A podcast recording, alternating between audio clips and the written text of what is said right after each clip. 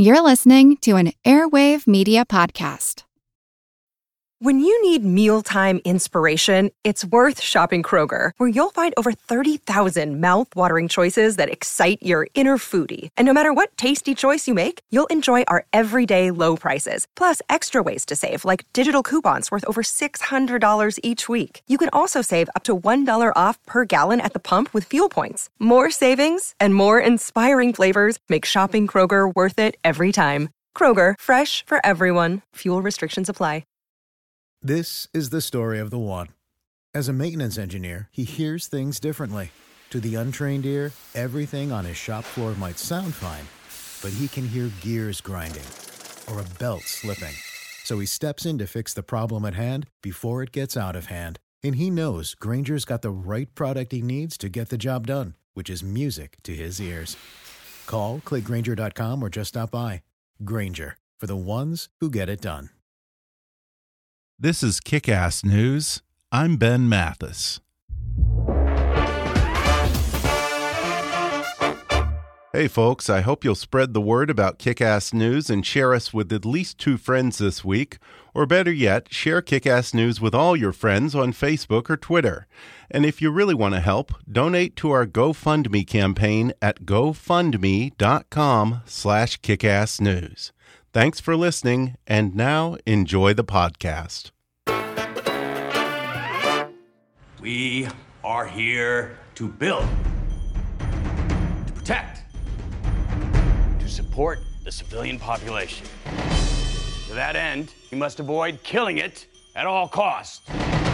We can't help them and kill them at the same time. It just ain't humanly possible.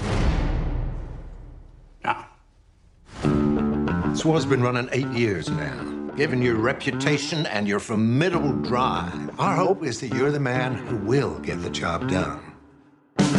Most of us here will know General McMahon as the man who kicked Al Qaeda in the sack. You're welcome. Get your troops in order. Move the needle a little bit. Show everyone a nice looking set of graphs. Just finish this thing. It's a lost cause. We can stay in Afghanistan forever. that's why I'm gonna win it. My team and I are about to embark on a new direction. What is this new direction? We build Afghanistan into a free and prosperous nation. All right, smile for the cameras, Glenn. Sounds a lot like the old direction. Hi, I'm Ben Mathis, and welcome to Kick Ass News. That was a preview of the new Netflix original film, War Machine.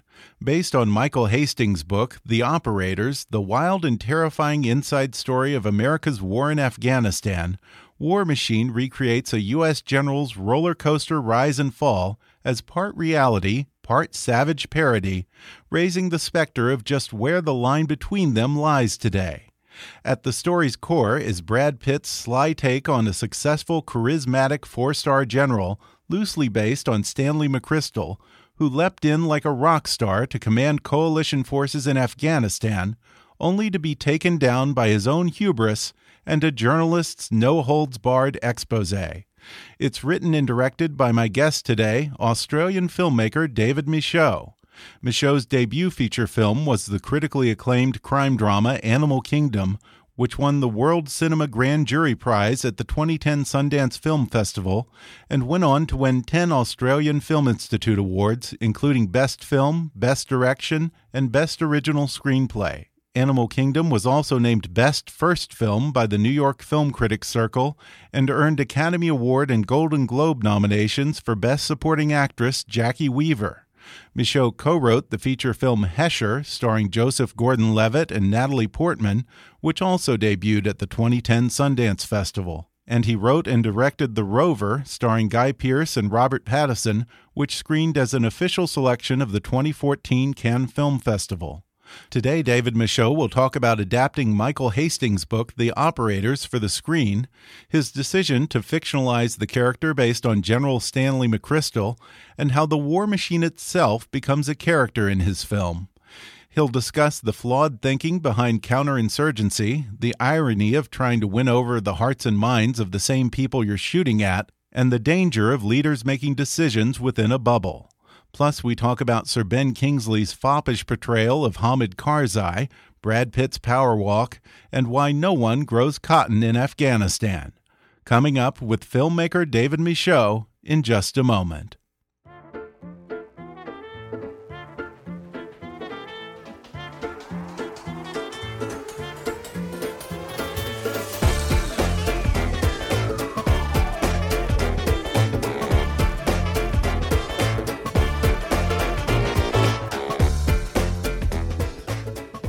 David Michôd is the writer director behind the critically acclaimed crime film Animal Kingdom and the futuristic western The Rover. His latest is an ambitious military satire starring Brad Pitt called War Machine. It debuts on Netflix and in theaters on Friday, May 26th. David, thanks for joining me. Thanks for having me. I enjoyed your film, and it's based on Michael Hastings' book, The Operators uh, about General Stanley McChrystal and the U.S. war in Afghanistan. Now, in the film version, you've retitled it War Machine. Is that an allusion to the military industrial complex, or what are you trying to say about how this massive military structure operates with that title? Yeah, very much so. You know, Michael Hastings' book was called The Operators, and I, as soon as I started picturing the film that I imagined I might build out of this world, I knew that what I wanted to do was make a film that was about more than just one particular general or one general and his little bunch of guys, his his his entourage.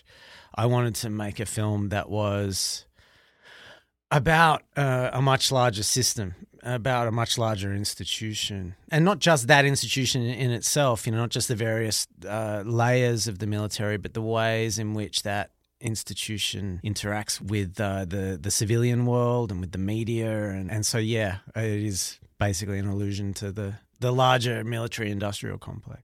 Yeah, and the media does play a big part in this because, again, this is fairly closely based on General Stanley McChrystal, who courted a lot of media attention, went on 60 Minutes, and had the Rolling Stone piece, which eventually undid his career.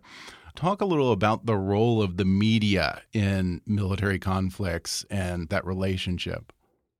Well, it's a complex one.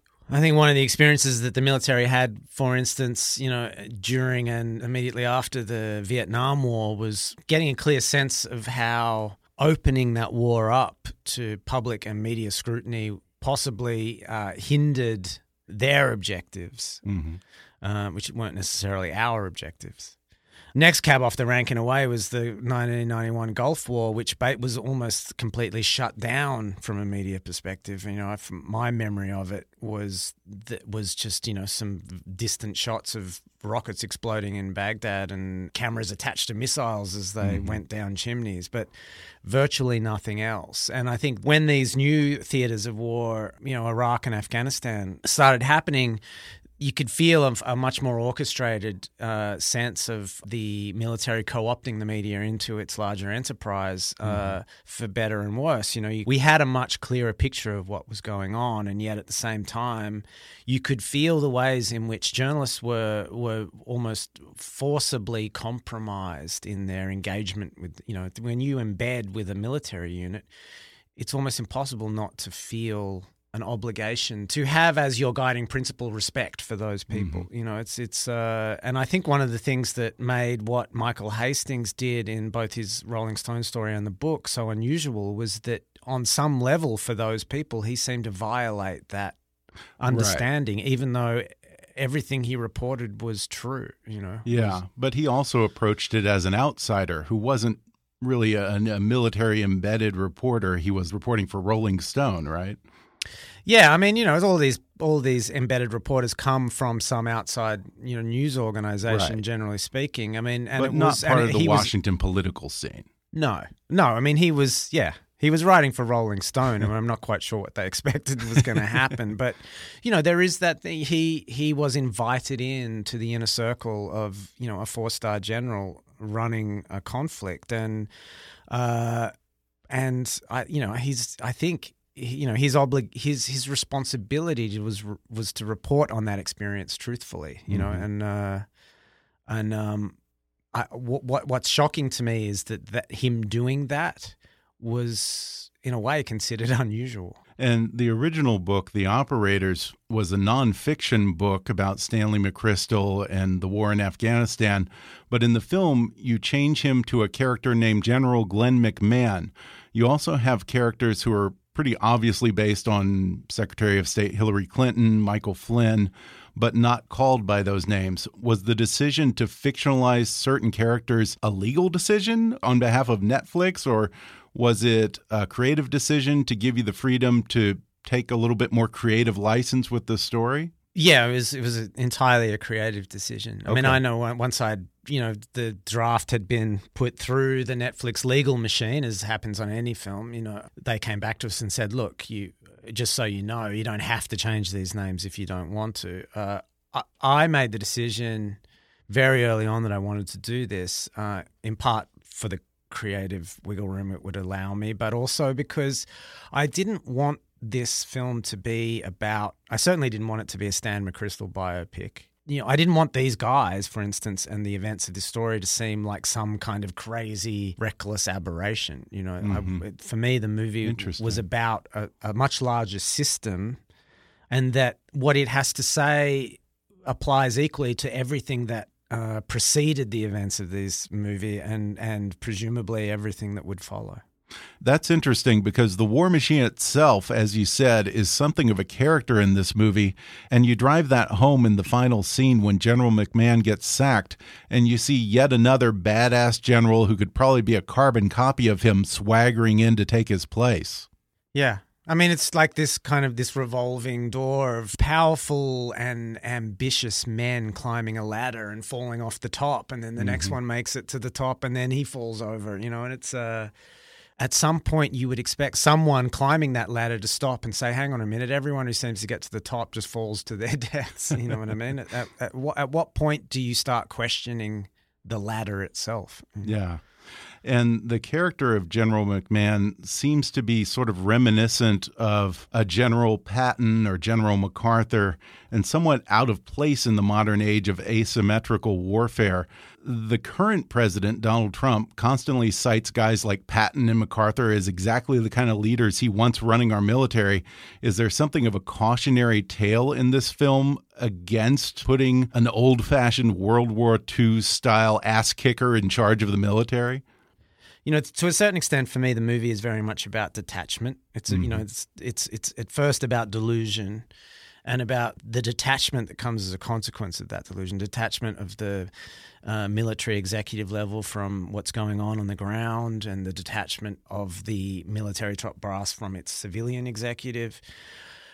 In order to amplify that delusion, you know, we decided to play with with like almost absurd hubris. Mm-hmm the modern general presents as a kind of quite bookish, staid, measured, right? Uh, West Point, yeah, yeah. A, a, a, a tertiary educated uh, mm-hmm. thinker. Brad and I were of the belief, though, that you know, it's as as would be inevitable of any of these guys who had grown up with military aspirations that somewhere deep inside they see themselves as sitting in a, a, a lineage of great American military commanders that stretches back to mm-hmm. MacArthur and Patton, and and that so that somewhere deep inside them that guy that guy lives. We just made the decision to let that guy kind of bust his way out and and be the kind of the the giant anachronism that Brad's character has become. Yeah, and a moment ago you mentioned the tonal shift in the film.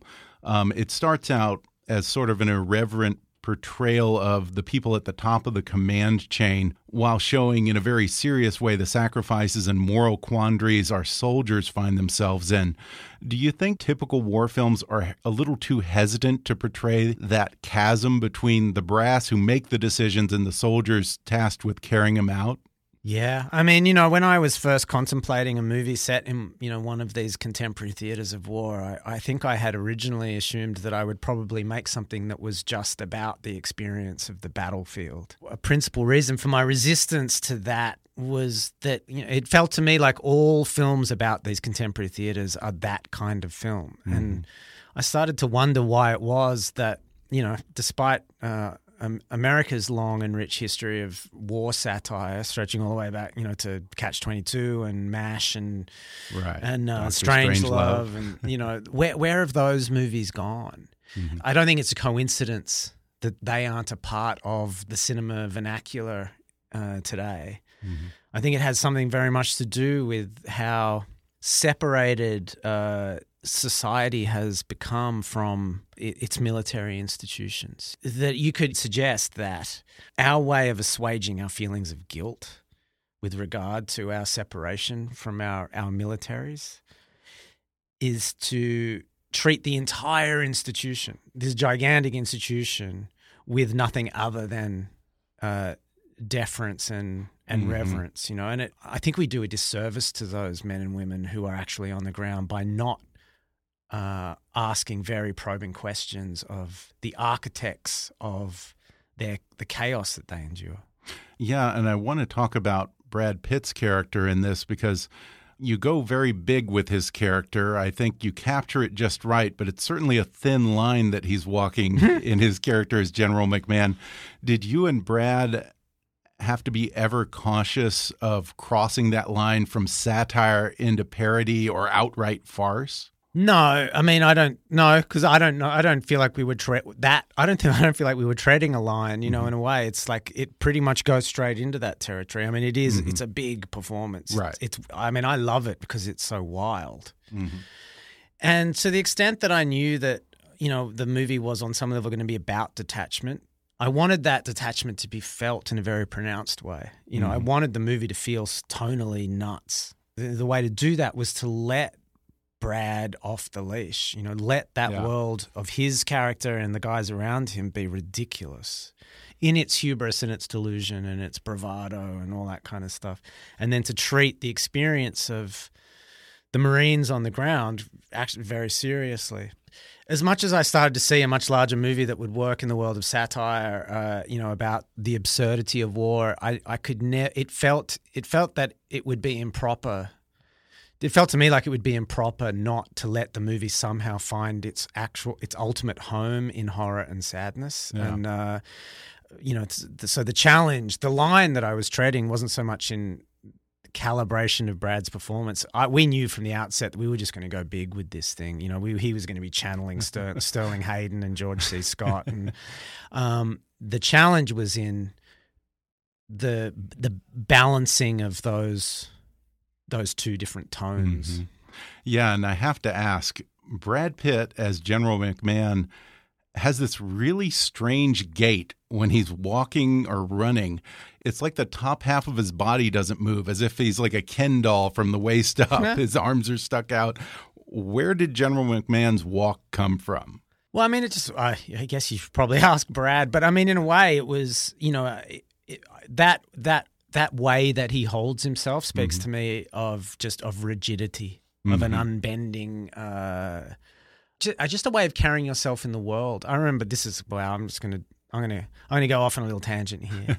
I watched a documentary recently about a guy named Richie McCaw, who mm-hmm. was the captain of the All Blacks, uh, New Zealand rugby union team, possibly one of the greatest sporting teams to ever walk the face of the earth.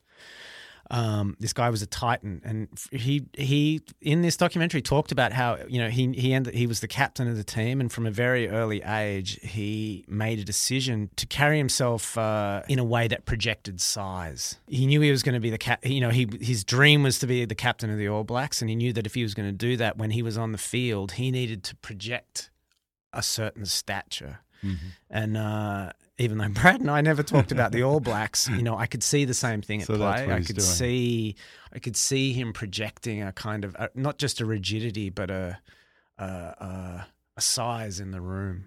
We're going to take a quick break, and then we'll be back with more with director writer David Michôd when we come back in just a moment.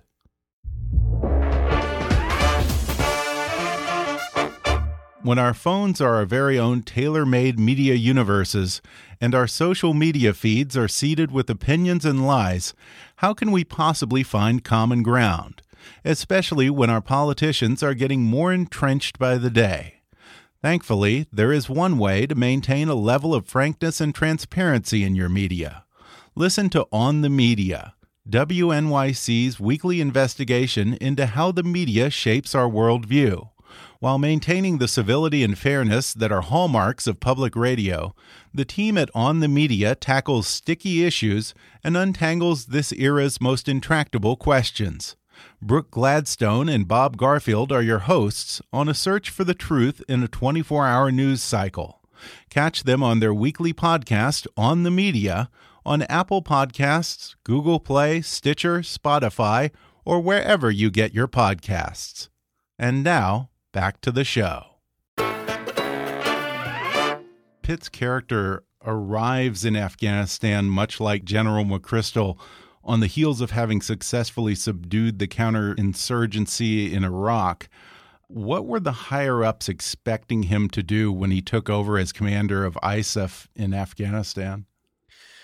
I don't know that they even knew. You know, Yeah. it's that you know. I mean, I feel like we all deep down know where uh, uh, Obama's sentiments probably lay. You know, he was elected on the promise of pulling uh, American troops out of Iraq, which he did. But in order to do that, you know, being a Democrat, being a first, you know, being a a, rel- a young man, and being a, a, a and a young man with with no military experience, he was kind of almost uh, by default forced to project his bullishness on war, you know, to Mhm, prove pretend that Afghanistan was a much more important war that needed to be fought and won, you know.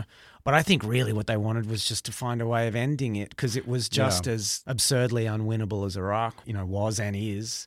I think uh, civilian leaders are often very easily bamboozled by military jargon. You Mhm. know, when a high-ranking general um, both inside and outside the administration comes to them and says this is what we need in order to win it can be very difficult for a civilian leader to say to push back Mhm. um, because to push back is to appear to be either weak or to be not supporting the fighting men and women in some ways it's easy to acquiesce to requests for more troops because to not do so is to is to pick a fight with this military institution to which we defer, you know. Yeah, And so it's yeah. like a, in a way, you, I feel like you could see all of that playing out with the Obama administration during you know that time when the events of this movie are kind of taking place. That they just basically want to end it, but don't know how to uh, demand of their military leaders that they do so.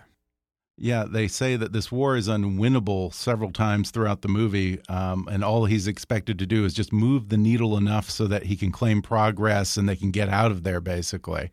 One of the funny things in here is that uh, he's warned at first, don't ask for more troops, and that ends up being the first thing that he does is Mm. ask the president for 40,000 more troops. Well, these guys want to win. You know, I mean, Yeah. they, they, they, they, they, they live in a culture of the, the metric for success is is victory and defeat. None of these guys, when they climb to the top of the ladder, want to be the one who gets there, can see over the top, and then says, "Oh, look, no, this is un- this is this isn't doable. Let's just go home." Yeah. They all want to be the guy who writes for themselves a page in the history books, and in the absence of any clear actual strategy. Um, especially if what you're talking about is something as kind of as as ludicrously delusional as counterinsurgency of these nation building hearts and minds exercises the only way to do it is to just ask for manpower you know as if that hasn't already been tried and as if it hasn't failed on innumerable occasions you know stretching back decades in Yeah. ver- in various theaters you know. Yeah, and General McMahon's plan is based on something called the coin strategy. What is that? Coin is just you know again the you know the the military is obsessed with acronyms you know abbreviations and acronyms. Coin is counterinsurgency. Mhm. Um, you know it's one of the things that makes this film kind of politically complex and you know uh, you know it, and it made the making of it a kind of precarious high wire act is that on paper counterinsurgency looks like a noble endeavor you know it's it's taking Right, taking liberal campaign. democracy to the poor and impoverished of the world and you know building um, building liberal democratic institutions and um, you know and and and providing security and peace and but what seems to go unacknowledged at every turn is the idea that you're you you know almost invariably you're trying to inject this stuff in a in a gigantic rush into a place that has been decimated by war and conflict, and you're doing it yourself with, um, you know, uh, with the, the the the most powerful and intimidating military apparatus that has ever existed on the face of the earth. You know, you're basically Yeah. having to try and convince people that you're there to help them at, at gunpoint. The thing of this movie is General McMahon is not unaware of this to some extent, and he says, at least at several points in the film, he he at least acknowledges the irony of trying to win over a country at the same time that you're trying to occupy it and shooting at their people. Um, I think it says a lot about good intentions paired with misguided yeah. execution. Yeah, I mean, it's always important to me that I not paint a picture of a four star general who is just an idiot. Mm -hmm. You mm-hmm. know, uh, there. I think what you're witnessing in in this movie, in this man, in this movie, is a kind of desperation, a, a, a desperation to leave a meaningful mark on an endeavor that was always doomed to fail. Mm-hmm. Uh, you know, and so what you're what you're looking at almost at every turn is him trying to, or or or or not e- or not even attempting to reconcile uh, the irreconcilable. How do you take you know an American military that has gotten incredibly efficient at killing and destroying and turn it into a uh, peace and compassion project? It's it's unsurprising that what you're left with at every turn is confusion. Now, one of the few people whose name you didn't change in the film was former Afghan President Hamid Karzai, brilliantly played by the great Sir Ben Kingsley. Uh, Karzai has an almost foppish indifference to General McMahon's plan and the war in Afghanistan. Um, how do you think Karzai viewed the U.S. strategy to turn around Afghanistan and his role in it? While the you know the two names that I've kept in the film are, are Karzai and Obama, mm-hmm. just to plant, you know, kind of historical flags into the in in uh, into the the ground of the movie. I I wouldn't I wouldn't suggest on any level that that uh, that the character of Karzai that we've created is a, a, a wholly accurate representation of the real Hamid, right. Hamid Karzai. But he was certainly rumored to be very corrupt and there were all sorts of rumors of corruption floating around, which yeah. are probably reflective of just the way you know Afghan culture the has system. functioned for for centuries. He was also, you know, there is a an element of seeming indifference in mm-hmm. in in Ben in Sir Ben's performance of the character. I certainly don't know that that was true of the real Hamid Karzai. I mean, he was Hamid Karzai in in many ways was put into an incredibly untenable situation. You know, made the leader of a, of a, of a broken country. Yeah, um, trying to win the support of its people um, in concert with this American war machine, and uh, and yet almost every day having to explain to the people of that country, having to apologize for yet another kind of horrific civilian casualty situation or something. Uh, mm-hmm. The indifference I think you can see in Sir Ben's performance is that one that's like, you know, I, I, mean, there's just a couple of very key scenes, and they are, I think what you're looking at more isn't, isn't so much his attitude to the job he has as leader of his country. It's more a very specific way that he interacts with mm-hmm. this particular American general. Yeah, and they reference in the film that he may or may not be on drugs, and his brother is probably a criminal warlord. The whole economy of the country is basically propped up on heroin. There's a great scene where McMahon is asking you know, can't they grow anything other than heroin so they can get on their feet? They say that, uh, well, you know, they can grow cotton here. And he says, well, why don't they grow cotton? Uh, apparently, because Congress uh, says that they won't put the development money toward anything that would compete with U.S. farmers. yeah. I mean, it's you know, it, it, all it all speaks to the this kind of paternalism that can be incredibly not just uh, in itself delusional, but can be actually damaging for the country that supposedly is being helped. Mm-hmm. You know, mm-hmm. it's like this in, an incredible flood of American money into a country like Af- Afghanistan can actually do more harm than good. You know, mm-hmm. it's it can have an adverse effect on inflation. It can completely distort the basic pillars of an economy, and it almost by necessity makes corruption endemic. Mm-hmm. You know, mm-hmm. it's impossible to flood a country with with that kind of money and expect everyone not to be somehow tempted yeah. by the the power and influence it affords. You know, I mean, you end up with such that you know it's such the phenomenal waste of American taxpayers' money. I mean, so much of this money floods into Afghanistan, is there for probably a couple of days, and then ends up in a suitcase at Dubai airport on its Yeah. way to a bank, someone's bank account. I mean, it's just Yeah. it's madness. Um, I wonder why do you suppose President Obama didn't meet with the real life Stan McChrystal or the fictional General McMahon? I don't know. Okay. I'm going to say I don't know. I mean, you know, I can I can That's hypothesize. a fair answer. I Again, mean, one there- would think there- that there that are- would be important if he has a guy who's in charge of an entire war and we're sending soldiers there. Um, it does strike one as strange or sort of an elephant in the room that the president would seem somewhat detached from the person in charge. Well, Or you is know, that he, just a personality thing. A personality I don't know. I mean, I. I I can imagine. You know, when you when you when you when you can you, you- I, I can imagine that uh, you know Obama thinking that you know he has a, sec- a national security council. He has Right. people around him Right. whose job it is to manage this stuff. Mm. That uh, you know that conversation that he might have with uh, with Stan McChrystal? Is like what, what what is that conversation? What is he what is he learning necessarily from that? That he hasn't employed some very very very capable and experienced people to you know it's he's the president. He's the leader of the free world. He's got he's Yeah. a busy man you know? It's and Yeah. when you consider that you know after however many years it was then eight or nine years that it was a war that was at in a, in a in a form of stalemate the question is how do we end this General McMahon in the film is insulated by this bubble of buddies and yes men who seem to be there for no other purpose than to boost his ego. Do you want the audience to see McMahon's bubble and the consequences of that kind of inner circle and perhaps draw parallels and maybe even warnings about the kind of bubble that President Trump seems to have formed around himself? I certainly think you can draw parallels. I wouldn't call it a warning. I mean, I think we should already be heeding this this warning, and there are certain ways in which the character that Brad plays in the film is uh, he's like Bono. You know, he's like a he's he's like a rock star on tour, and he has around him an entire kind of machine that is is not just stroking his ego, but propping up the delusion and fortifying it from Yeah.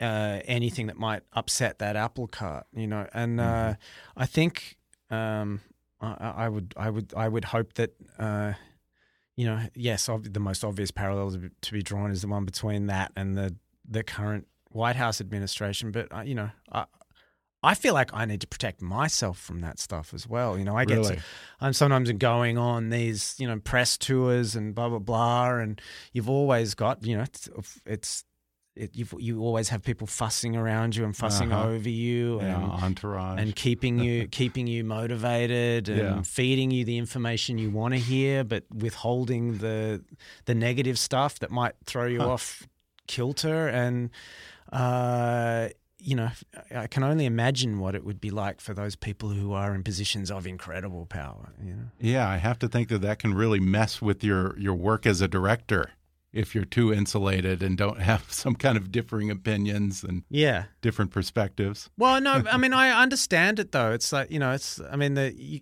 you, you know you need to do it. I, I, you know, Yeah. that's why I I I endeavor. I remember when my first movie came out. I you know I, I wanted to know it's it, to the extent that I felt like I was making movies because I wanted to I wanted to feel like I was interacting with the culture in some mm-hmm. way. You know, one of the first things I did when the movie came out was start you know, basically googling myself. You know, just I just wanted to know where how how was this movie landing in the Yeah. world? You know, have it how was it bouncing back at me? Yeah. Didn't take me long to work out that mm. that's not a very Yeah. healthy thing to do. You know, Oh yeah. Now you do sound like Donald Trump going to see you know, going to see what Fox News is saying about you or what people on Yeah. Twitter. I used to be Donald Trump, but now I'm not. But no, I but you know, but but the the opposite end of that spectrum is, you know, it's like I've you know, it's to not where I am now, Mm-hmm. which is has its own dangers, which is to, you know, say I'm have absolutely no engagement with social media. Try not to read, you know, it's, or, or I do Mm-hmm. it with squinting through one eye just to get a just get a sense of how something's landing. But you know, I think it's in some ways it's important to just take a good hard Yeah. look at the ugly because uh, you know what doesn't kill you only makes you stronger. well, I really liked the film. I highly recommend it. Again, War Machine debuts on Netflix and in theaters on Friday, May 26th. David Michôd, thanks for talking with me. Thank you for having me. It's been fun.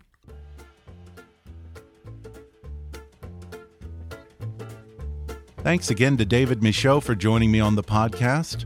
You can see his film War Machine, starring Brad Pitt, on Netflix and in theaters starting tomorrow, Friday, May 26th. For more information, visit Netflix.com. And just a reminder that On the Media is WNYC Studios' weekly podcast investigating how the media shape our worldview. Hosts Brooke Gladstone and Bob Garfield are here to offer help if you, like them, are questioning the very nature of our reality. In a political and cultural moment so nerve wracking, On the Media provides a weekly dose of sanity. Get On the Media on Apple Podcasts, Google Play, Stitcher, Spotify, or wherever you get your podcasts. Be sure to subscribe to Kickass News on iTunes and leave us a review while you're there. Don't forget to take our listener survey. It only takes five minutes at podsurvey.com/kick. You can visit Kickass News on Facebook and follow us on Twitter at, at KickassNewsPod. And be sure to recommend Kickass News to your friends on your social media.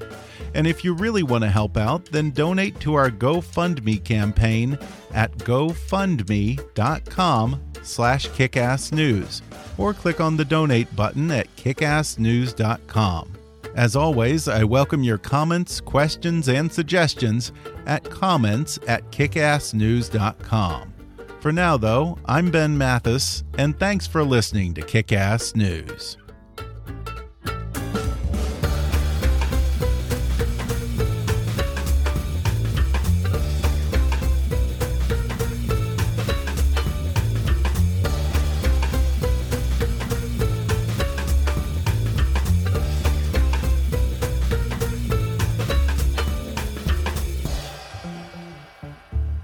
Kick Ass News is a trademark of Mathis Entertainment, Inc.